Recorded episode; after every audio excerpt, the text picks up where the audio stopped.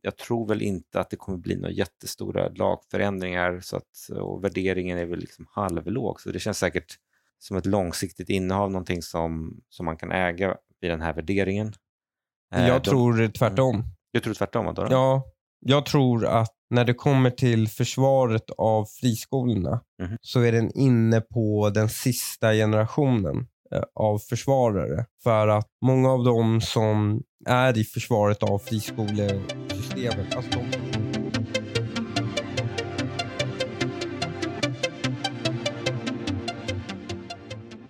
Käkar du Marabou fortfarande? Vi var på Willys och sen när vi hade handlat allting så skulle vi, ja, vi skulle välja det vi, ja, det, godiset, liksom, det Mm. sista man plockar på sig. Och Då står hon och bara stirrar på alla Marabou-grejer och då säger jag, man, man ska inte stötta Marabou tydligen. Man ska banna Marabou. Eh, och, men så var det liksom Fatser som var alternativet. Men jag lyckades hitta några godisgrejer som hon hade goda minnen av. Som inte Mm. var Marabou. Och så köpte vi dem. Tills eh, vi var på Grönlund. Och då eh, när vi var på Grönan med barnen så eh, sa hon, du måste vinna mig någonting. Du Mm. måste, du måste liksom... Och då hade jag vunnit på skill redan. Jag hade vunnit henne ett gosedjur på den här pistolskyttet. Okej. Eh, så, men hon kände att jag var tvungen att vinna på Lotto. så hon, ville absolut ha en Dime. Hon älskar Dime. Så hon ville Mhm. vinna en sån här stor Dime. Ja, men det är som mobilspel då helt enkelt. Ja, hon är en val. Men hon Mhm. får mig att betala. Hon är som en val med mammas kreditkort. Liksom. Och de här barnen som har som köper så här 3000 får eller något på de här Farmville på morsans kreditkort. Men eh, så jag gjorde lite så här. eh, Jag frågade hur mycket kostar det att vinna? Alltså Ja. 100% i vinst. Och då kostar det 720 kronor. Vad sjukt att de svarar på det ändå. Ja, men det är ju liksom vinna. Alltså, då väljer du ju alla sådana här nummer. Då köper Mm. du alla nummer i en Mm. dragning. Eh, och sen så, så sa jag att ja, men jag lägger hälften av det. För då blir det som coin toss. Okej. Liksom. Eh, och jag gjorde det. Ehm, och eh, ja, men då vann vi. Vi vann två kilo Dime. Så det var inte så himla dyrt faktiskt. Kilopris för Dime. Menar, en vanlig Dime är typ 60 gram. Så jag har massor med Dime kvar från min fest. Vi hade massor med Dime. Den är fan svår att, svår att konsumera i stora mängder. Ja, jag vet. Men eh, hon är ju, och sen så rationaliserade jag, lyckades vi tillsammans rationalisera det här i att om du slutar köpa från butiken, då Mhm. kommer de ju sluta beställa från liksom Marabou. Och det styr ju då, den, den konsumtions, så att säga, det medvetna konsumtionsvalet ger direkt signaler till producenten. Mm. Men när Marabou som är i så här långa avtal med eh, Gröna Lund, de skiter väl i hur mycket det lottas ut eller inte lottas ut. Mm. Om jag skippar det lotteriet och går till ett annat lotteri eller spenderar pengarna på någon annanstans i Grönlund så är det ingen tydlig marknadssignal som skickas. Mm. Så, så lyckades vi rationalisera att det är helt okej att käka Daim. Men kommer du ihåg när eh, vi var unga och eh, oskyldiga polisaktiva på 90-talet? Då kändes det som att då var det liksom den uttalade strategin mer att man skulle öppna så många McDonalds-restauranger och västvänliga företag som möjligt i de här diktaturerna för att liksom konvertera dem på det sättet. Just det. Men eh, det, det var ju synnerligen efterblivet det också. Alltså, Men var det verkligen det? Alltså, ja, det-. Men, men, men tror, du inte att, tror du inte att det finns större sannolikhet att det växer fram en liksom liberal medelklass om det finns massor med västerländska företag som anställer dem än om de bara har sin inhemska industri? Nej, Nej det, det tror jag absolut inte. För att, eh, ehm, alltså ta Mellanöstern. Mhm. Alltså, de har en jättebred, alltså, de har ju nästan bara överklass. och eh, de har tillgång till alla amerikanska produkter liksom, eh, i Saudiarabien. medelklass. Va? Men medelklass då? Om de har en bred medelklass? Du sa, att de var, sa du inte att de var bara överklass? Ja, nej, men de har väl någon form av medelklass också såklart i Saudiarabien. Mm. En väldigt välmående sådan. Men de, de konsumerar de har, ju... typ- men har de inte blivit mer frihetliga då? På marginalen? Ja, Det, det har de väl, det har väl eh, Saudiarabien blivit. Ja. Men, eller, om man tar andra änden av samma sak, så, så Nordkorea, så är det inte så att de bara Fan, nu vill vi verkligen ha hit en Marabou-fabrik så vi ska sluta ha dödskoncentrationsläger. Så det har inte heller funkat. Nej, men jag tänker Kina är väl ett väldigt bra exempel. Att Mm. De blev ju inte...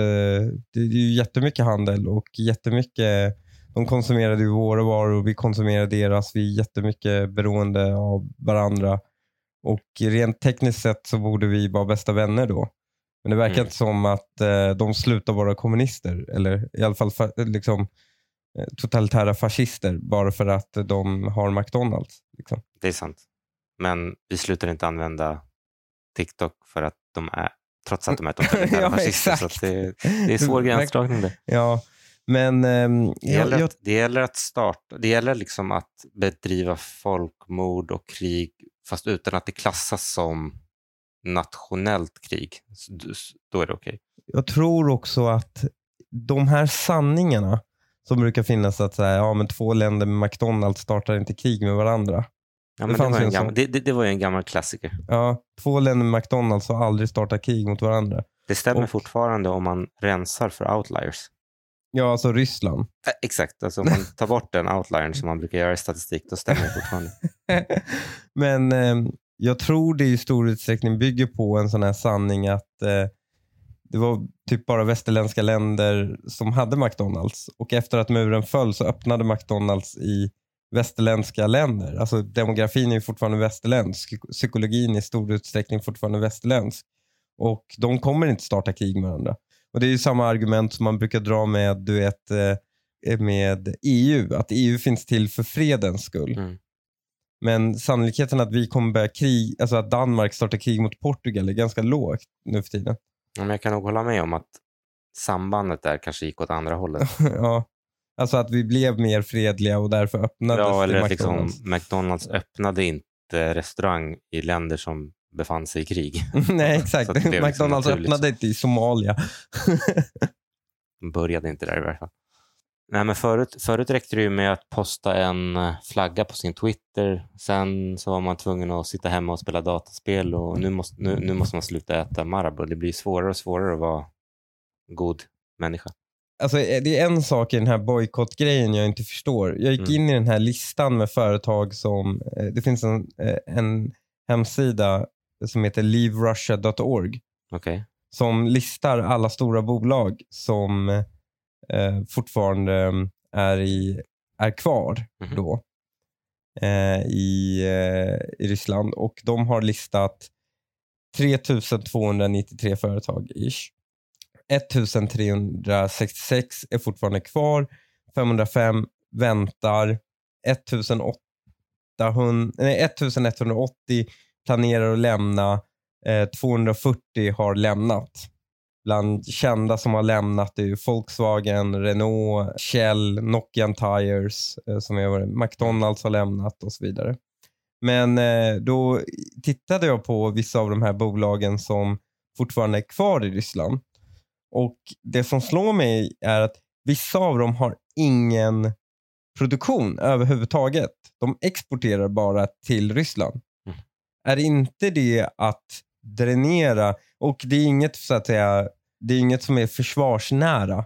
Alltså, Ja, men jag tror vi, vi hade ju den diskussionen kring Ja. Pernod. Att, eh, om jag minns rätt nu så var det att de bara exporterade absolut till Ryssland. De hade ingen Exakt. produktion där. Men att folk tyckte att det var fel.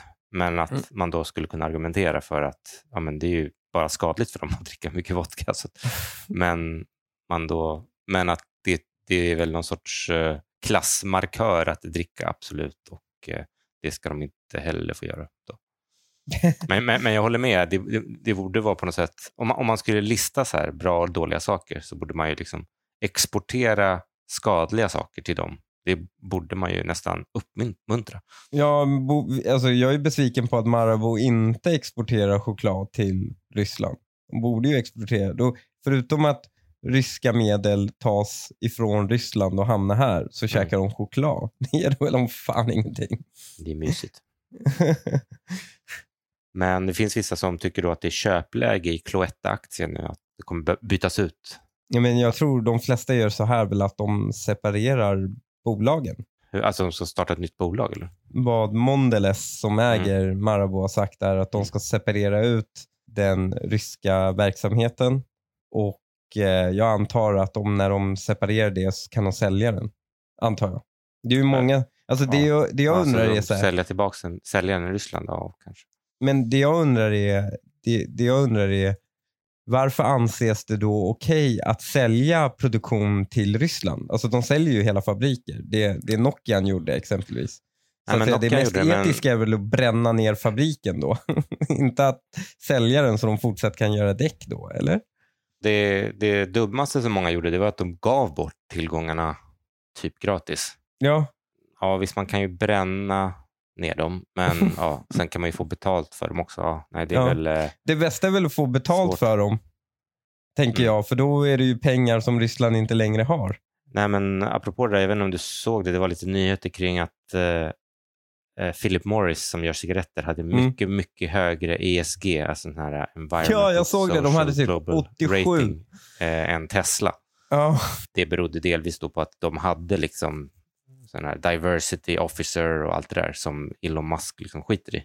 mm. Du, ja, de har ju liksom en checklista och eh, visst, de kanske inte checkar så bra på tobaken, men de, liksom, de anstränger sig då som fan för att checka in på allting annat. Medan eh, Elon då eh, skit, skit, skiter i det där. Så att, eh, nu har i och för sig de flesta etiska fonder totalförbud mot att investera i tobak, men de som investerar enligt sådana här ESG-index och sen så blir det en ESG-rating på portföljen så eh, då ratear ju då tobak bättre än Tesla. Men det är eh, helt det, otroligt. alla, alla sådana här system blir ju liksom gamade till slut helt enkelt. Ja. tobacco companies, companies like Philip Morris that manufacture and sell cigarettes, they've scored higher ESG values than Tesla, the electric car manufacturer. How could this be? It's little wonder that this has gotten Elon Musk, the Tesla founder and CEO, tweeting that ESG is the devil. Yep, he just might be right on that. Well, the point here is that the tobacco companies and the oil companies actively campaign to demonstrate their virtue in ESG terms. You only have to look at the company websites to see this in play. The way they promote diversity programs, displaying staff numbers by gender, ethnicity, and sexual preference.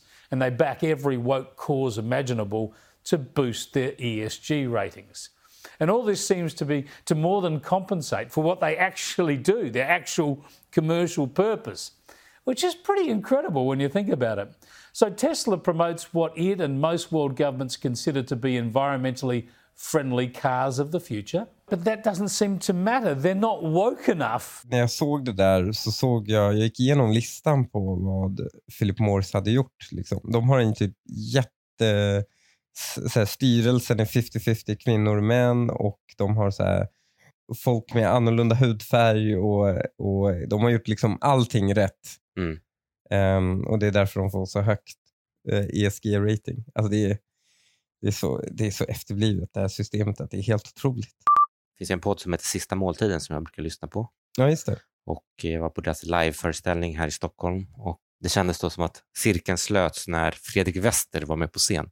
Ja, från ehm, eh, Paradox, vd för Paradox. Ja, precis. Paradox har vi ju å- återkommande pratat om här som liksom de som den, den, den stabila strategin på gaminghavet som Mm. Maler på. Men det var, det var kul. Och sen för att liksom försluta cirkeln ytterligare så såg jag att Omar Makram som är min favorit i den podden hade hånat dig för, att, eh, för vårt avsnitt om att blanka Tesla. Ja, han, han, och det är ju för att eh, han, jag var med i deras podd. Mm. Nej, jag var inte med. Jag lyssnade på deras podd. Och varje gång jag hör dem prata blir jag så för- förbannad för de säger så efterblivna saker. Och Då brukar jag sitta och smsa oftast Ashkan. Mm. För jag brukar oftast hålla med honom när han hamnar. Liksom. Och då var det om eh, bitcoin Mm. och krypto generellt. Och Det här var innan den stora kryptokraschen. Var på, jag höll med honom om att eh, jag, så att säga, jag var, eh, jag var beer på krypto. Och eh, då gjorde de ett poddavsnitt till där Hanif Bali är en idiot, kallar de den för. Då, då de, jag var så dum i huvudet att jag inte insåg storheten i krypto. Och sen efter kryptokraschen så körde jag en Vem är idioten nu? Liksom. Men nu har jag ju jag att krypto har studsat tillbaka ganska bra väl. Eh, men är väl inte tillbaka på all time high. Men, men hur som helst så, så började, vad heter det, de, eh, Omar kände väl någon hem nu. För han är ju inte bara en krypto bro, han verkar vara en Tesla bro också. Så han var ju väldigt kränkt över, precis som alla Tesla bros, över min negativa recension av bolaget. Så, Men, så. Eh, jag, jag, jag, tror att vi sa till och med i avsnittet att det, det, bästa sättet att få uppmärksamhet för en ny ekonomipodd är att blanka Tesla. Så det var mer ja. strategiskt. Och han gav oss uppmärksamhet. Så det Win-win. Men jag, måste, Omar, alltså han är, jag är lite, jag är lite Omar-fan. Jag har faktiskt försökt skriva till honom på Instagram. Jag hade någon, någon vision om att eh, jag skulle bjuda ut honom och köra Carrera GT och dela livserfarenhet. Men eh, jag, får, jag har fått noll respons. Men, men det kanske är tjej, jag inte är han svarar bara på tjejer. Den ja, kåta araben. Eh, han missade en Carrera GT-tur. Sen har det varit mycket snack om kronan som vanligt. Ja, jag såg... Eh, vad, vad, vad, ligger vi minus på nu? 60 procent? Är det vad vi har tappat? På Tesla eller? Nej, på Aha. kronan. Aha. Ja, svenska kronan mot? mot eh, generellt. Generellt mot euron. Ja. Jag tycker fortfarande att det som lite stör mig i debatten det är ju att folk angriper Riksbanken. Och mm. Det kan man ju göra för vissa saker, men i slutändan så är det ju riksdagen, enligt min åsikt, som styr liksom det långsiktiga värdet av kronan. Och när vi hade fast växelkurs på 90-talet, då var det, ju, då var det, då var det mer uppenbart för folk att tågordningen är ju så här, du har dålig ekonomi, precis som att du har ett dåligt företag. Därför måste du höja räntan för att folk ska fortsätta vilja investera, så du måste ge dem mer pengar, riskkompensation. Mm, mm. Så Sverige är ett företag som omvärlden i varje fall anser är dåligt skött och då så kräver de högre ränta eller då liksom eller lägre, alltså Sveriges aktiekurs som är kronan, då, den, den går ner. Mm. Och, och sen kan Riksbanken liksom försöka motverka det där med höjd ränta, men det är liksom det är som händer, det är liksom det sista som händer, medan i debatten så verkar det vara liksom att, att ja, men det var för att Riksbanken sänkte räntan för mycket som som kronan kraschar. Men skulle man, skulle man bedriva liksom en AAA-politik så tror jag inte att kronan skulle vara så svag. Nej. Eh, och senast jag tänkte på det, jag lyssnade på senaste Ekonomiekot som jag skickat, eh, som jag skickat till dig idag, som var ganska intressant. Där det var en ekonom som sa att eh, life cycle cost för en skjutning i Sverige mm. hade han beräknat till 75 miljoner. Och då har han räknat liksom med att vissa blir invad, invad, alltså behöver vård hela livet mm. och, och, hela kedjan. Jag vet inte om det är rätt siffra eller inte, men om man tänker ändå att vi har vad är det, 300 om året gånger 75 miljoner varje gång. Alltså, det är svårt att se att det, in, att det, skulle ha, att det inte skulle ha någon impact på Sveriges ekonomi. Bara, och nu, nu, snackar vi bara skjutningar, men det finns ju tusen andra grejer. Ingvar, du däremot har ju gjort beräkningar kring det här. Eh, en enda skjutning där en person skadas lindrigt och en allvarligt kostar 75 miljoner kom det fram till för ett par år sedan. Mm. Stämmer det fortfarande och hur har du räknat? Ja, siffrorna de stämmer naturligtvis. Så har vi en viss uppräkning för inflation, men den är ganska marginell i de här sammanhangen. Kostnaderna de sprider sig över väldigt många samhällssektorer. Här har vi en väldigt absurd situation. En dödlig skjutning är billigare än en invalidiserande skjutning. Därför att Dör en person så dör han. Invalidiseras man, då behöver man vård resten av livet och det leder till ohyggliga kostnader. Så det är vårdkostnader, det är rättegångskostnader, det är poliskostnader, det är Försäkringskassan, det är Arbetsförmedlingen, det är socialtjänsten. Vi har en modell där vi har ungefär 200 parametrar som vi räknar på och sen försöker vi beskriva ett förlopp och sätter vi prislappar på förloppet och försöker vi så få en summa på det här. Det man då kan se det här är ohyggligt dyrt. 14 skjutningar i Uppsala var det. Ja. Eh, sådana, och de har, det betyder att de tappar en miljard på det. Mm. Men då är det väl samhällsekonomi i stort, inte offentliga medel. Ja, precis. Det är liksom, men han gjorde mycket bra. Eller hans poäng var ju liksom att de här kostnaderna, de, alltså, när du ska bygga fler fängelser, då syns de ju tydligt. Men annars så bakas de ju lite in i sjukvården och det kanske är en vecka längre kö än vad det skulle varit annars. Så det är, liksom, det är lite svårt att tydligt se. Jag, jag tittar på hans siffror här. Mm. Under en 20-årsperiod kostar ett kriminellt gäng 530 miljoner kronor. Mm. Endast en gängmedlem som är involverad i kriminalitet under en 15-årsperiod kostar 23 miljoner kronor. Mm. Och den senaste siffran var nu att det fanns runt 9000 gängmedlemmar. Ja, vi blöder ju helvete 13 miljarder kronor om, det, om året på det här i samhällskostnad. Det är alltså hela statens socialbidrag. Mer, mycket mer än nästan dubblar vad staten lägger på socialbidrag. Historiskt sett så har jag, har jag haft lite svårt för den här matematiken som sossarna brukar köta. Men om vi bara lägger liksom 10 000 kronor på skolan så sparar vi liksom 5 miljoner på att folk inte blir gängkriminella. Men här, i vissa fall här så känns, alltså nu, nu blir siffrorna så men, stora på något sätt. det, så att, det, eh, det svåra i det där, att lägga pengarna på någonting som ger effekt. Mm. Det är ju det som är kruxet. För du kan ju lägga då, då kan du säga om, om de kostar då samhället en halv miljard, eh, liksom, om de kostar, bara i Uppsala kostar en miljard, 14 skjutningar. Om vi skulle lägga en bråkdel av det på skolan och skulle vi kunna förebygga det här, då är det ju väldigt lönsamt såklart. Mm. Men det bygger ju på premissen att det hjälper att ge ge pengar till skolan. Mm. Att det minskar risken. Och vad mycket forskning visar på är att det finns ingen sådan kausalitet åt det hållet. Eh, däremot så finns det vissa insatser man kan göra. Alltså bara generellt mer pengar till skolorna kommer inte hjälpa. Däremot så kan du göra vissa insatser som är typ lite halvnazistiskt att föreslå. I alla fall var det i valrörelsen. Men jag hörde att det här klippet du skickade mig så gjorde en forskare det. Han sa till exempel att väldigt många av de här har ADHD. Om vi inför särskilda undervisningar för dem och det kostar ju såklart mer så kommer vi få tillbaka pengarna ganska bra. Och Det här lyftes ju i valrörelsen av Moderaterna i eh, Region Stockholm där man ville... Eh, det stora problemet är ju inte att eh, folk inte får så att säga, stöd när de har ADHD. Problemet är att de får inte ens diagnosen, många av de här gängmedlemmarna. Mm. För att deras föräldrar eh, inte tror på sånt. ja. Och tycker det är ganska skamfullt och inte känner till att eh, och det är svårt. Och så kan man göra lite provkalkyler. Vi vet till exempel att väldigt många idag som är gängkriminella har en ADHD-problematik. Och låt säga att den leder till den här prislappen, säg 50 miljoner.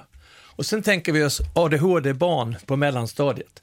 Satsar vi på en resursskola för dem med specialpedagoger under mellanstadiet så kostar det 600 000.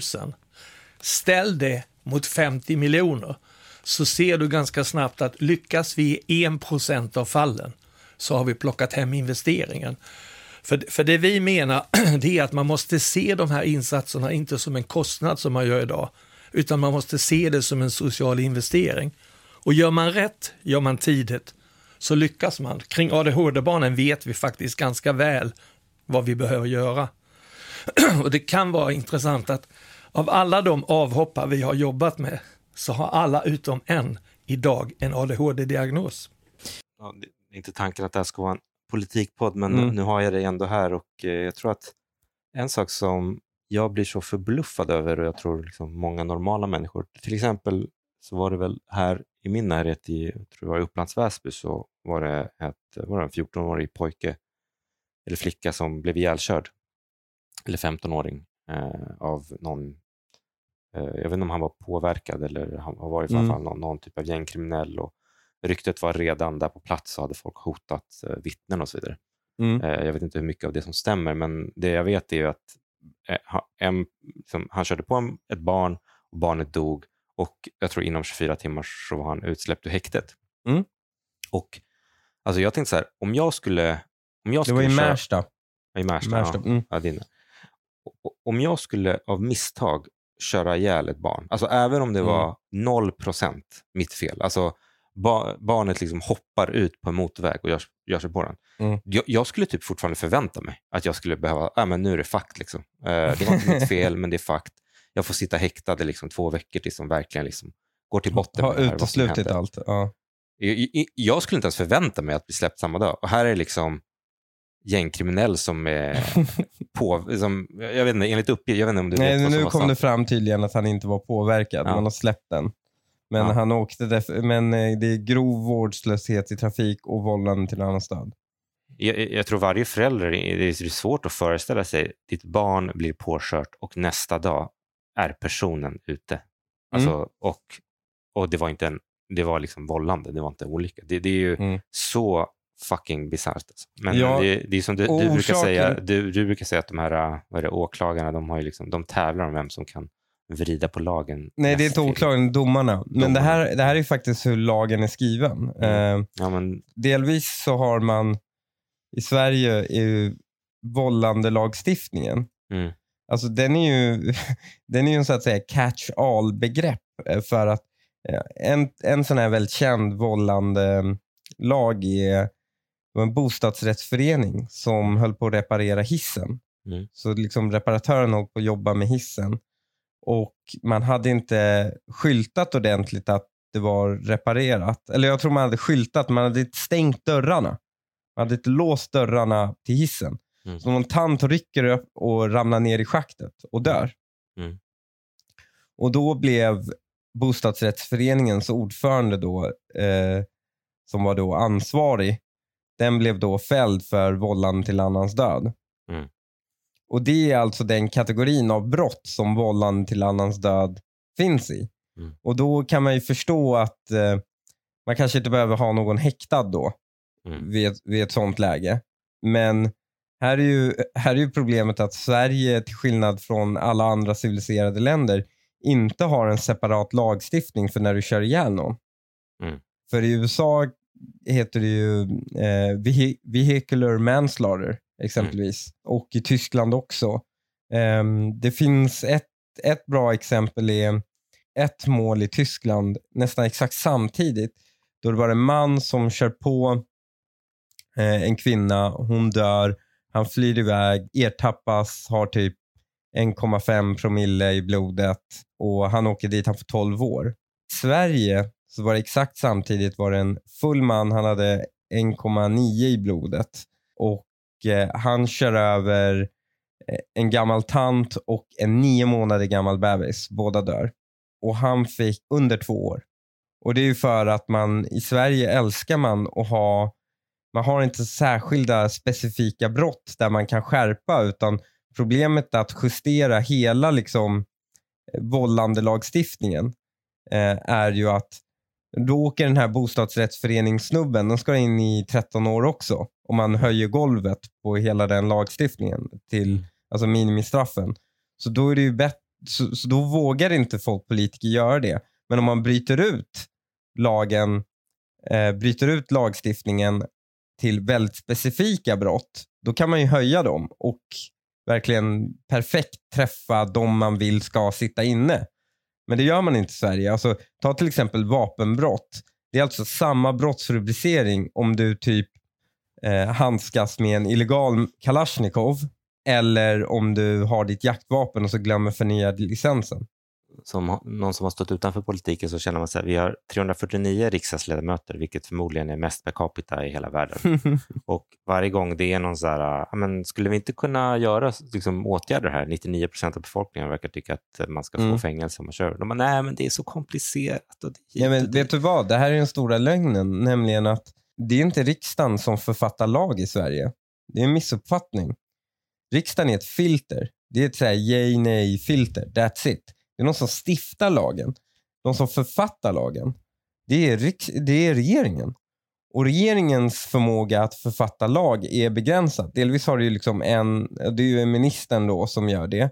Sen har man den här statens offentliga utredningar.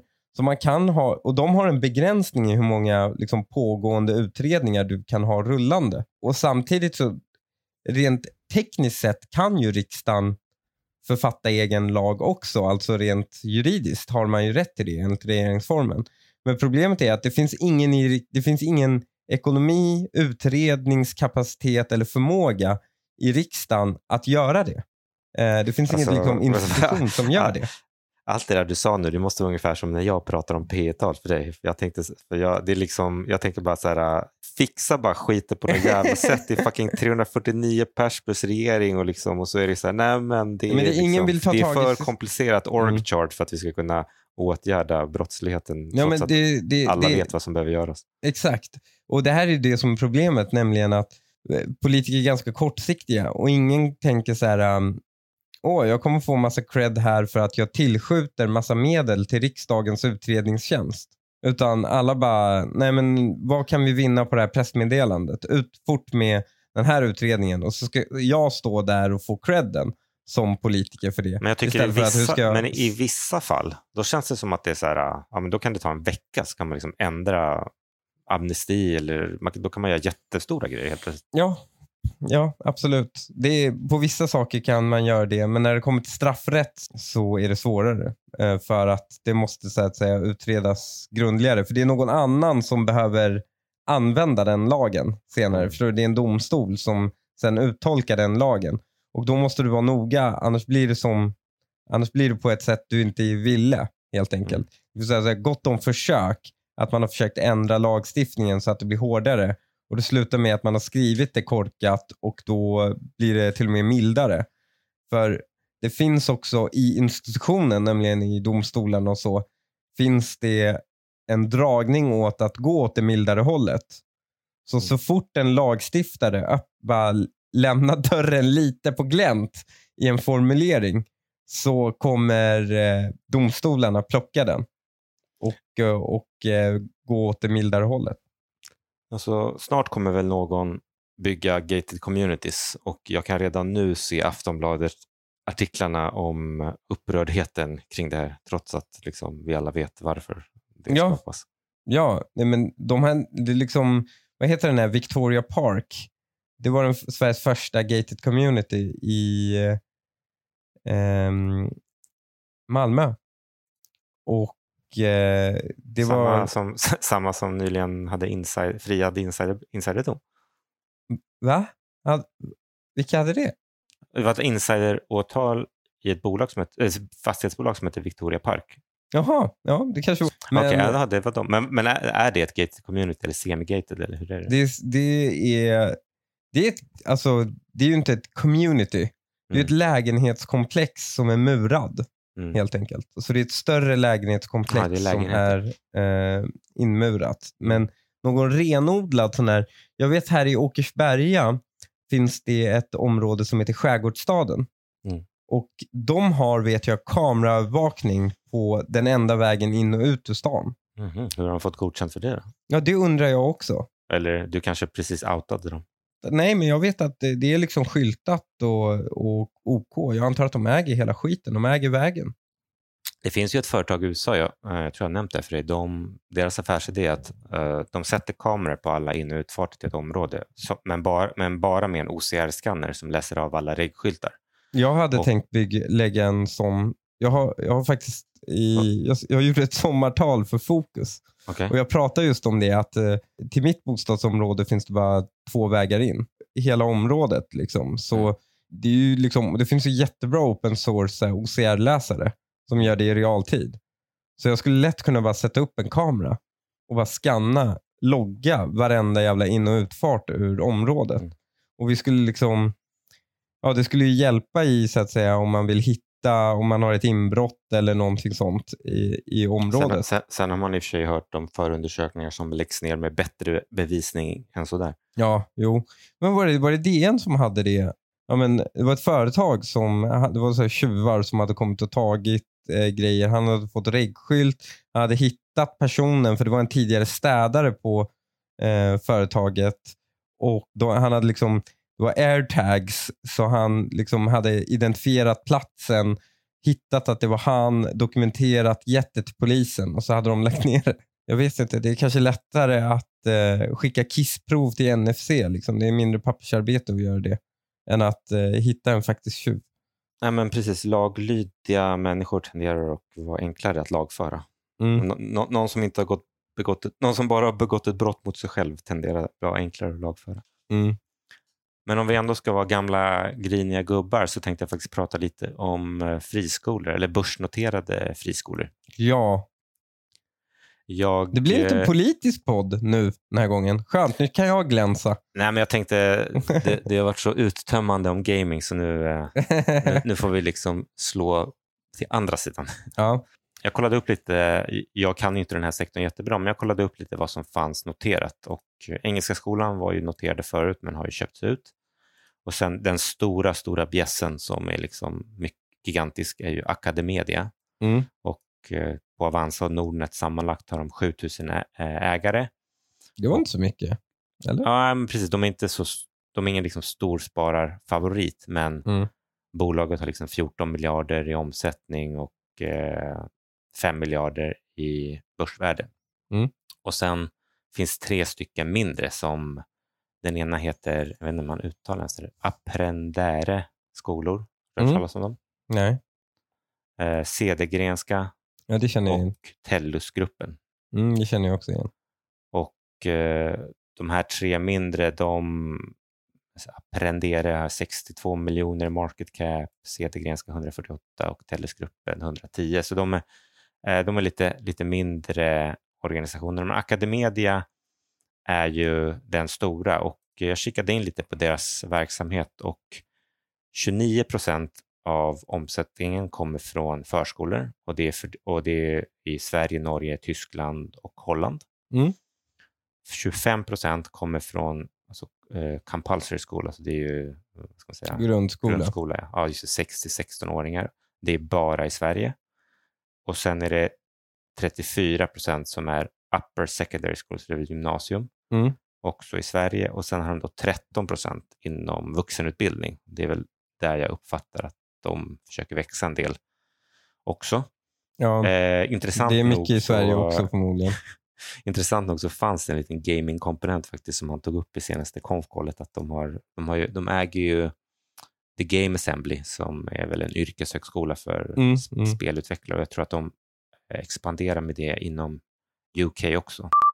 And, maybe also we should mention uh, about our game uh, game education work. And we have now created contacts. You know the, game developers they work with different studios all over the world. And we have now found out that there are a lot of education studios also. And some of them could be possibility for us to to acquire.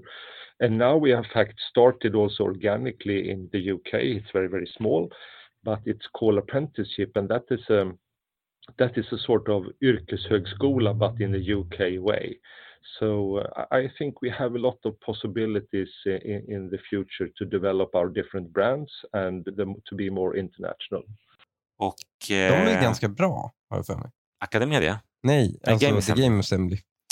Eh, ja, men jag tror väl att de är okej. Det är klart det, Mm. det, det, är alltid, s- det är klart det är alltid svårt att hitta de bästa till att bli lärare eftersom Mm. tekniken går så fort. Men, ja, men, jag, men jag tror absolut att de pluggar där kommer säkert få jobb. Mm. Om du är någorlunda intresserad. Och eh, bland annat bland deras varumärken som de har är ju kända Pysslingen, Vittra, det är väl, eh, och sen Hermod som är vuxenutbildning tror jag va? Mm. Eductus och sen har de ja, lite andra. eh, så andra. mycket SFI och sånt. Ja, och det har varit mycket förvärv. Både i, de gjorde ett stort förvärv i Tyskland och sen har de har förvärvat i Sverige. Vet, du- vet du, eh, by the way, vad goodwill är för någonting? Goodwill? Mm.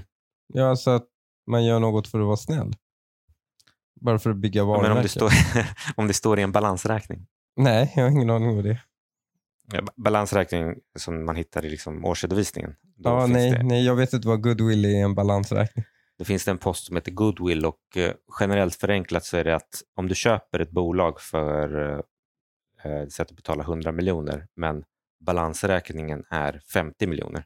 Mhm. Liksom, den bokföringsmässiga effekten blir du köper deras tillgångar och de, eh, de köper för 50 miljoner och så okej, vad ska du bokföra den här överblivna 50 miljonerna som man kan säga är värdet av varumärket eller liksom så. Mm, mm. och då hamnar det i goodwill. Mhm, mm. Så om du, så om du ser ett bolag som har goodwill i sin balansräkning så betyder det att de har gjort förvärv. Mm. Och eh, om goodwill växer då har de gjort eh, mer för, förvärv Och över tiden så brukar man ev- ibland då skriva av goodwill i de fall att man kanske har förvärvat något och det visade sig inte vara så mycket värt efter ett tag. Då måste man skriva av det. Mm. Eh, sen beror det på lite vilka bokföringsregler och så vidare har. Men om man kollar på en bolags balansräkning och ser goodwill så kan man omedelbart dra slutsatsen här har det gjorts förvärv. Mm. Okej. Och de har då eh, 6,3 miljarder i goodwill, så de har gjort ganska mycket förvärv. Men det är ju det, det är som sagt ingen mjukvarubusiness och det är liksom svårt att skala. Mm. Mm. Eh, man kan ju öppna egna skolor, det tar ju tid. Det snabbaste är att köpa någon som redan har etablerat sig. Mm. Både de här Apprendere och Academedia värderas till ungefär nio gånger en årsvinst. Jag skulle vilja säga att de värderas relativt lågt, men det är också svårt för sådana bolag att ha organisk tillväxt. Det är ju trots allt svårt att göra jättestora besparingar och öka sin marginal i den existerande businessen. Och sen så finns det alltid det politiska hotet, även om Academedia då försöker lösa det genom vuxenutbildning och, och sprida sig i fler länder. Mm. Men, det finns ju inga andra länder de kan syssla med compulsory schools. Nej, Ja. precis, men, men de försöker, med, med förskolor har de ju då köpt in sig i Tyskland en stor Ja, där finns det ju jättemycket privata alternativ. och, eh, och sen vuxenutbildning. Mm. Har, har du i din politiska gärning kommit i kontakt med de här? Eh, nej, inte mer än att den första friskolan som öppnade när jag på The Golden Age 2006 där i Väsby Mm. var Vittra. Mm. Eh, och det tömde ganska effektivt några av våra mest dysfunktionella skolor. Så i den mån så var det en, liksom, det var en gammal sliten skolbyggnad som funkade ganska dåligt och sen ehm, eh, öppnar Vittra. Många föräldrar väljer det. Eh, den här skolan lägger ner den närmsta skolan. Den blir tvungen att läggas ner. Och Jag kommer ihåg, jag satt i tekniska nämnden så vi hade ansvar för så här, underhållet av de här fastigheterna. Mm. Och Så fick vi notan för hur mycket det skulle kosta att riva skolan. Mm. Och Jag kommer ihåg hur ordförande skämtade bara, ah, får man ju önska att någon bränner ner den.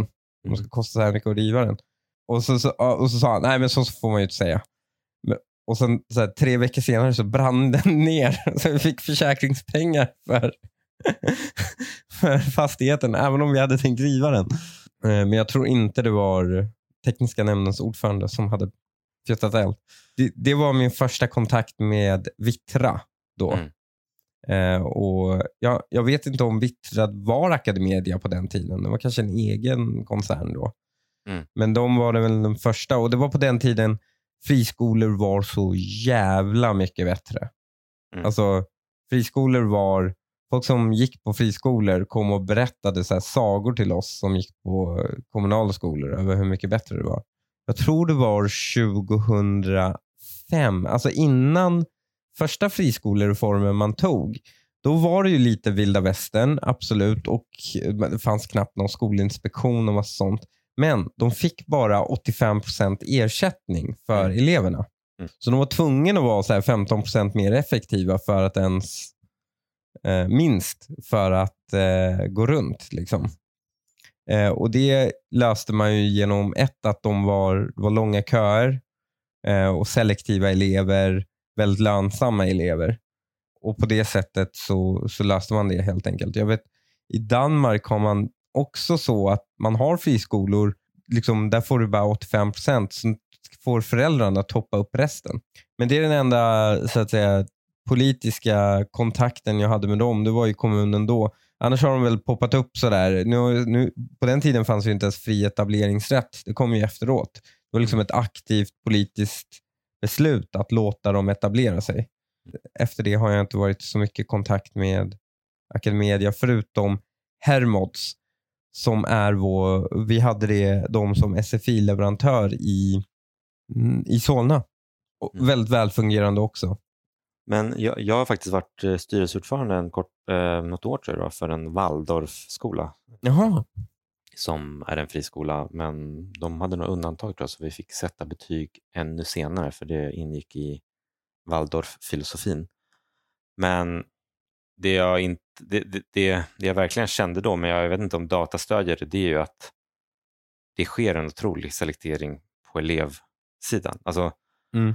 Att skolan presterar bra hade, kände jag hade liksom mindre med pedagogiken att göra Ja. än att liksom de föräldrar som brinner för Waldorf, de är liksom, där, det är en jätteselektering av den gruppen redan där. Av Ja. liksom föräldrar som generellt bryr sig mer och är insatta. Sen att liksom, om du, om du börjar med matte, om du har en filosofi att du ska lära dig matte via räkna kottar istället för att räkna siffror, så det, det spelade mindre roll kände jag. Men Mm. jag vet inte vad, har du någon, du har säkert sett någon data på det här. Är, det är väl den stora debatten är liksom att tjäna friskolorna sina pengar genom elevselektion. Eller Alla tjänar sina pengar via elevselektion. Alltså det, det, ta grundskolan i Danderyd. Skitbillig.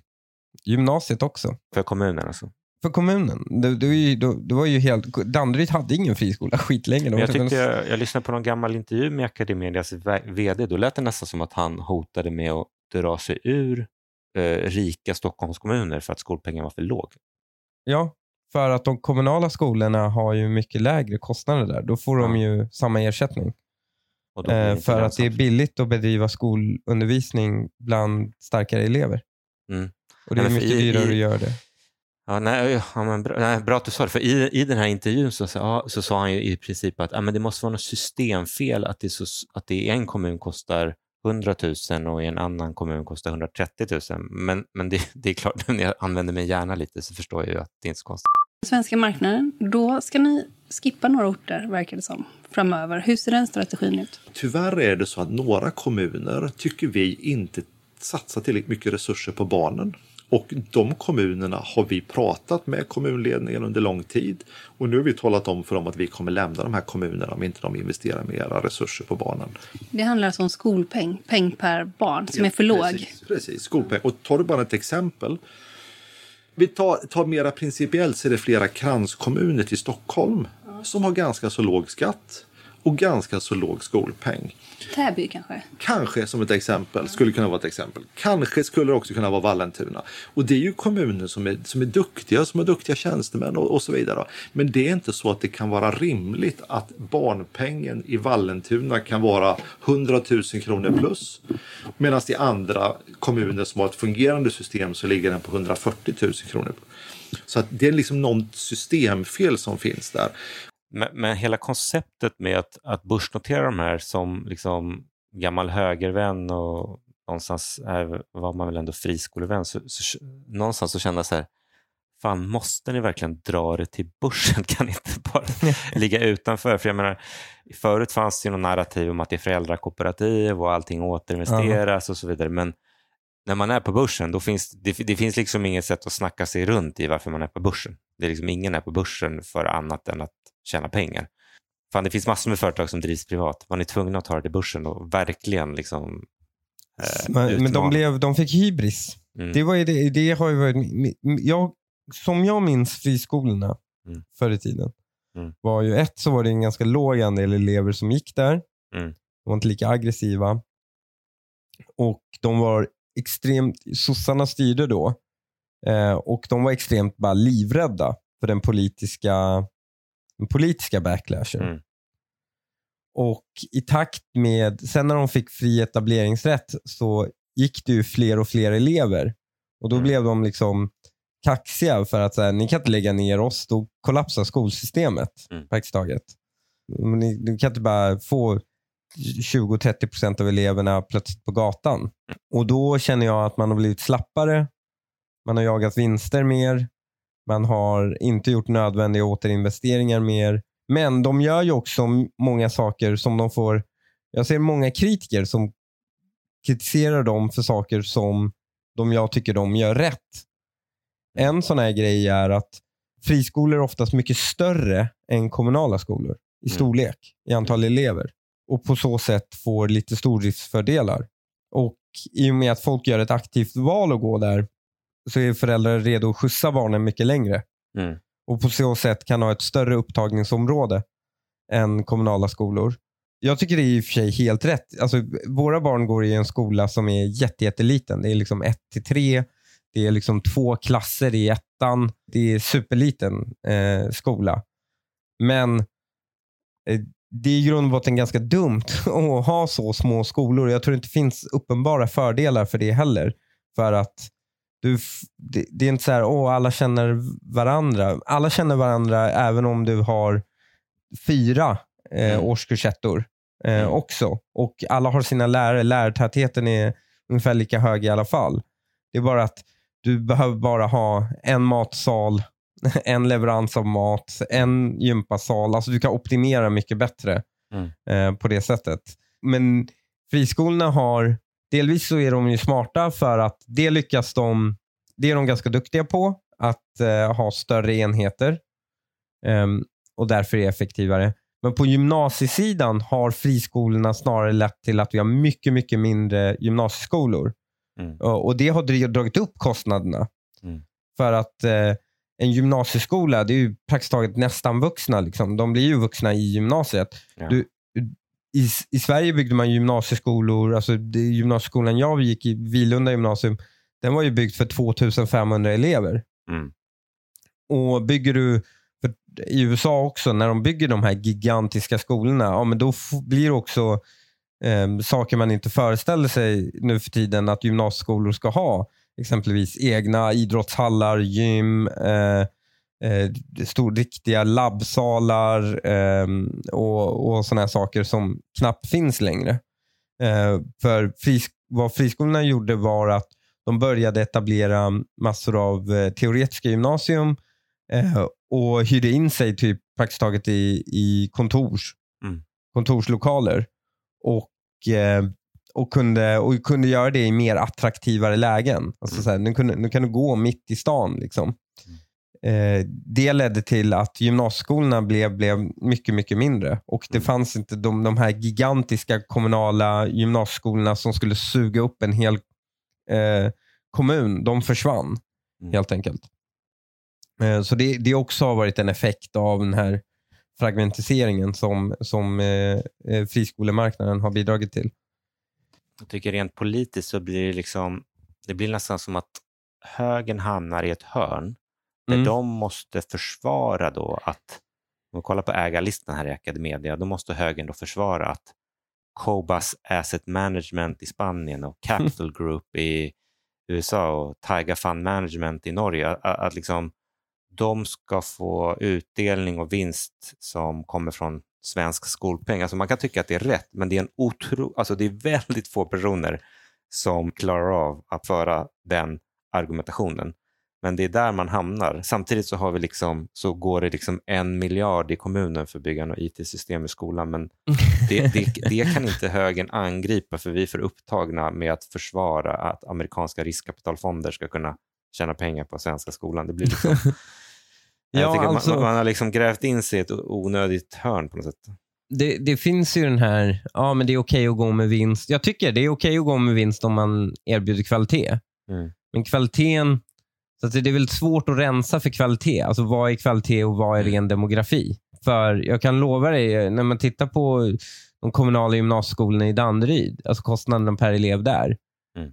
de, de är ju så att säga jävligt effektiva. Och Det är inte för att jag tror att i Danderyd har de världens bästa offentliga sektor. Där är ju tjänstemännen bara helt magiska. Där är ju industriell effektivitet. Det är ju rena om att Toyota där inne. Nej, de är lika ineffektiva som alla andra kommuner. Men de har en väldigt mer gynnsam demografi. Sen kanske friskolor på marginalen kan förbättra det eh, och har incitament att jaga sådana effektiviseringar. Men det, där, den, där den har en stor, så att säga, och det, kan, det måste du ju väga mot vad händer med ett skolsystem då föräldrar blir då på något sätt beställare och föräldrar är efterblivna. För Vi har fått en generation av människor som sitter och tjatar på lärarna för att deras ungar inte pluggar. Angränsande till det så inför det här avsnittet så försökte jag i veckan googla på Academedia, se om det var några investerare som hade skrivit om det eller så vidare. Men det var i princip omöjligt för precis häromdagen så då hade det varit något dataintrång. Jag vet inte om du läste om det, där Mm.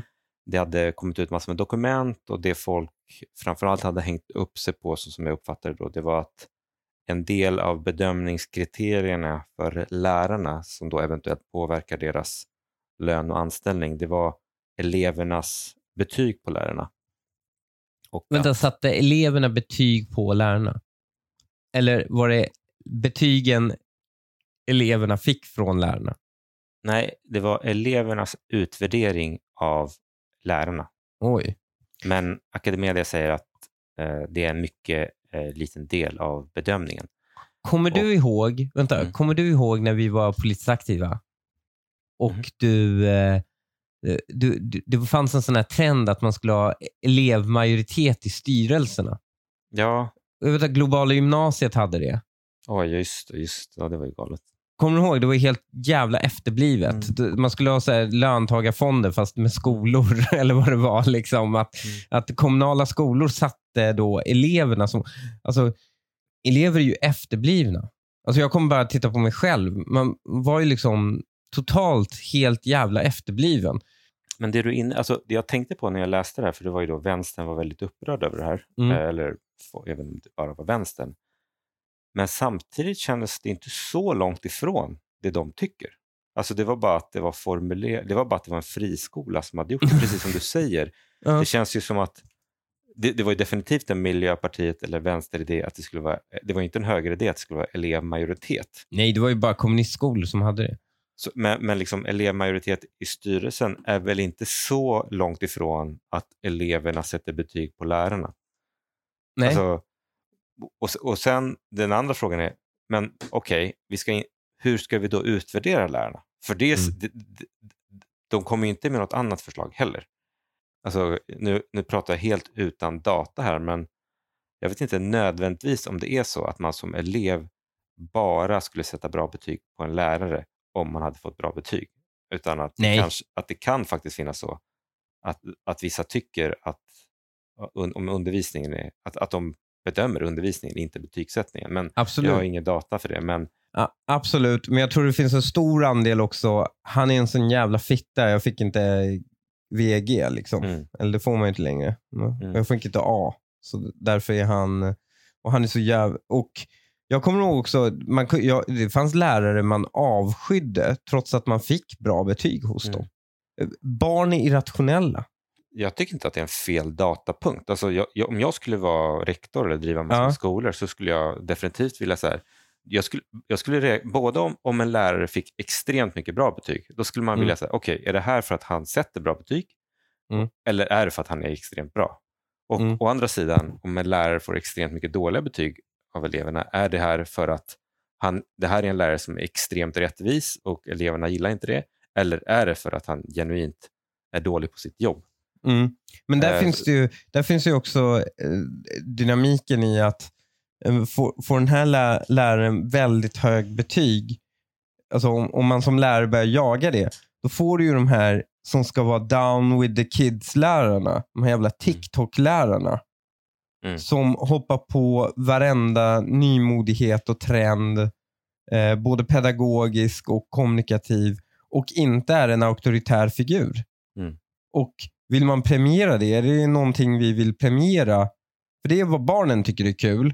Mm. Frågan är om det är någonting vi vill premiera i ett skolsystem. För att vi inser att ibland dyker upp eh, ungar i skolor som behöver den där auktoriteten. Ja, Eh, det, är, det, är, nej, men det, det är verkligen skits, alltså det, det är skitsvårt att bedöma vad som är en bra lärare och för, och för olika Ja. elever kan det vara olika bra. Men i mitt, i mitt drömsamhälle så ska det på liksom skolans parkering så ska det stå några liksom Ferraris och Porschar och de tillhör lärare som är liksom extremt bra som kan liksom motivera elever och eh, är en förebild för andra lärare. Men för att knyta ihop säcken som en investering jag tror väl inte att det kommer bli några jättestora lagförändringar så att, och värderingen är väl liksom halvlåg. Så det känns säkert som ett långsiktigt innehav, någonting som, som man kan äga vid den här värderingen. Eh, jag de- tror tvärtom. Du tror tvärtom? Då? Ja, jag tror att när det kommer till försvaret av friskolorna Mhm. så är den inne på den sista generationen. eh, av försvarare. För att många av dem som är i försvaret av friskolesystemen, alltså de som inte får betalt utan de som är ideologiskt övertygade, de tar slut någonstans i mitten av eh, eller i början av 80-talet. Jag tror det finns redan nu ett stort politiskt momentum i att bara ta tag i friskolejävlarna. Mm. Och, och det känner ju den borgerliga regeringen med nu för att de tillsätter ju utredningar för att se över hela friskolesystemet. Man ska ha nationell skolpengs beräkningsgrund för skolpengen och så vidare. och så vidare. Jag tror det kommer komma ganska stora reformer. Om inte den här mandatperioden så mandatperioden efter det. Mm. Men under den här mandatperioden så tror jag inte bottom line är hotat. För det som driver på friskoleutvecklingen det är ju segregationen. Mm. Och folk måste välja, i de flesta orter, Mm. eh, måste välja friskolor för att inte att ungen ska hamna i en så att säga, demografiskt utmanad skola. Mm. Så på det sättet så kan de få organisk tillväxt eh, Ja. på något sätt. Men det är ju en min, det är ju, problemet med det är att den gruppen är ju en minskande grupp. Det är en grupp som minskar. Svenskar skaffar inte så många barn längre. Ja. ja, men det blev en eh, lite mer politisk podd, men så, så, det, det är det ni får leva med när det är jag och Hanif. Ja, men Eh. man kan inte diskutera friskolor utan den politiska analysen. Men som sagt, eh, Hanif, du, var, du trodde att det skulle komma regleringar. Eh, Mm. jag, efter, jag, är väl, ja, jag ska väl faktiskt säga att jag har ingen stark åsikt. Eh, jag, jag tycker liksom inte... Det är så, det, det är så svårt, att, det är ingen så software business som jag kan se någon jätteskalbarhet eller jättedolda värden i de här bolagen. Mm. Det är väl inget för mig, men jag kan, jag kan förstå om det finns de som vill investera i Academedia. Men tack för att ni har lyssnat. Får se vad vi pratar om nästa vecka. Om det blir gamingfritt, eller helt gamingfritt blir det aldrig, men... eh, Det vore faktiskt kul att höra om, om ni kan skriva till oss på Twitter. Mm. Ehm, så Ja, vet, vissa, vissa som skriver, de skriver om för nischade grejer. Ja, nej, men det de kan skriva är, tycker de det är för mycket gaming? Eller ty- borde vi fortsätta? Ja, men det, är, Det är ju en ja, bra fråga. Men de som kanske tycker det, de har redan slutat lyssna. Kanske, men vi har ju... Vi, Ja, men några, vi, några grejer som jag har skrivit upp här är ju Nibe som gör eh, Ah, värmepumpar. ja, jag läste faktiskt en ny att de ska få en ny konkurrent. Ja, precis. Som de satsar. Sen Mm. det finns en, en kinesisk elbilstillverkare som är noterad i USA som har många ägare som heter Nio. Mm. Och sen så har jag funderat på att vi borde prata om Acast någon gång som är ditt eller vårt snart expertområde också. Ja, Det kommer grejer helt enkelt. kul. Bra, tack för att ni lyssnat. Så Ha det bra. hörs vi nästa vecka. Ha det bra.